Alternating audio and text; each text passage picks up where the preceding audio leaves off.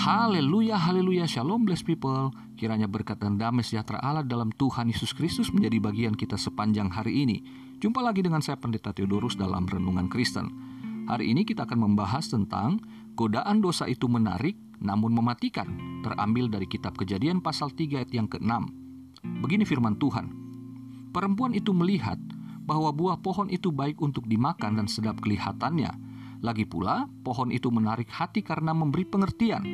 Lalu ia mengambil dari buahnya dan dimakannya dan diberikannya juga kepada suaminya yang bersama-sama dengan dia dan suaminya pun memakannya. Bless people, peristiwa yang dialami Hawa yang gagal menghadapi pencobaan adalah jejak sejarah manusia yang jatuh dan selalu saja diikuti oleh keturunan-keturunannya sampai saat ini. Kesalahan fatal tersebut terekam permanen dalam kitab suci namun selalu saja ada yang terjerumus di lubang yang sama. Mengapa demikian? Ya karena godaan dosa itu selalu menarik meskipun manusia sebenarnya tahu akibat di dalam dosa itu. Sekalipun dikatakan bahwa Hawa bukanlah penerima langsung larangan Tuhan, tetapi Adam yang menjadi penerima langsungnya, tapi menurut saya tidak berarti Hawa tidak tahu atau tidak mengerti tentang larangan itu. Karena waktu mereka menikah, tentulah Adam telah menyampaikan apa yang Tuhan sampaikan kepada Adam. Di ayat pokok, kita mendapati proses jatuhnya manusia ke dalam dosa yang dimulai dari Hawa. Perhatikan, yang pertama, Hawa melihat bahwa buah pohon itu baik untuk dimakan. Yang kedua, pohon itu menarik hati karena memberi pengertian. Yang ketiga, Hawa mengambil buahnya dan dimakannya. Yang keempat, Hawa memberikannya juga kepada suaminya, dan ia pun turut memakannya. Dengan demikian, proses tersebut adalah Hawa melihat, hatinya tertarik, ia memutuskan untuk bertindak, yaitu mengambil buahnya dan memakannya, lalu kemudian ia melibatkan orang lain, yaitu Adam, di dalam perbuatan yang sama. Bless people, Hawa melakukan perbuatan terlarang itu dengan dukungan dua faktor. Yang pertama, faktor eksternal, yaitu Hawa membiarkan ular berbicara dan mempengaruhinya di ayat 1, ayat 4, dan 5. Yang kedua, faktor internal, yaitu Hawa menanggapi ular dengan jawaban yang salah atas pertanyaan ular yang sesungguhnya telah dimanipulasi di ayat 2 dan ayat 3. Hawa menjawab keliru karena ia mengurangi dan menambahi perintah dan larangan Tuhan kepada Adam suaminya seperti yang terdapat dalam kejadian 2 ayat 16 dan 17. Perhatikan ayat yang kedua ketika Hawa menjawab ular. Buah pohon-pohonan dalam taman ini boleh kami makan.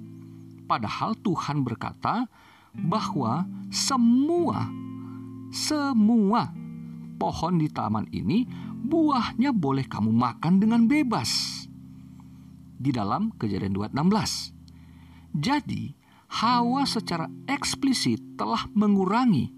Ia hanya mengakui sebagian anugerah Tuhan, padahal Tuhan katakan semua buah boleh dimakan kecuali yang satu itu Lalu perhatikan ayat yang ketiga. Tetapi tentang buah pohon yang ada di tengah-tengah taman, Allah berfirman, "Jangan kamu makan ataupun raba buah itu, nanti kamu mati."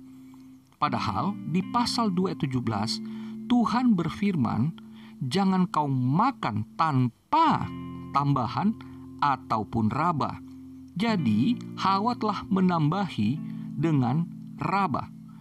Jadi, di sini kita kemudian mendapati Hawa telah menambahkan apa yang tidak dilarang oleh Allah. Tadi yang dilarang itu dikatakan tidak dilarang, yang sekarang tidak dilarang dikatakan dilarang. Bahwa Tuhan bilang ini bebas. Dia bilang sebagian. Tuhan mengatakan bahwa jangan dimakan Hawa menambahinya. Jangan dimakan atau diraba. Apa pengaruh terkuat ular sehingga Hawa tidak mampu menahan godaannya?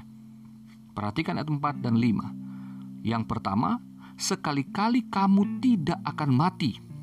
Padahal Tuhan mengatakan, kamu pasti mati. Dikurangi bukan?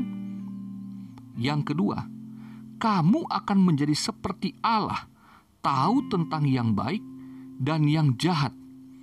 Dengan demikian, Hawa di sini lebih percaya kepada ular yang merupakan manifestasi iblis dibandingkan percaya kepada firman Allah. Hawa bergantung pada pengertiannya sendiri, sehingga ia memilih dengan mengabaikan firman Allah.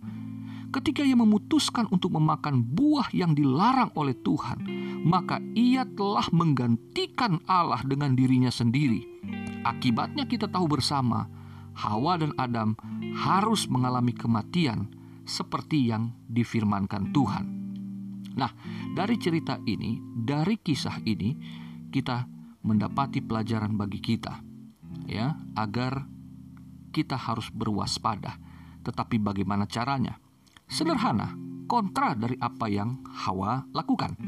Yang pertama, ini yang harus kita lakukan. Percaya pada firman Allah seutuhnya. Intinya, jangan ditambah dan jangan dikurang. Itulah kejatuhan Hawa, menambah dan mengurang firman Allah.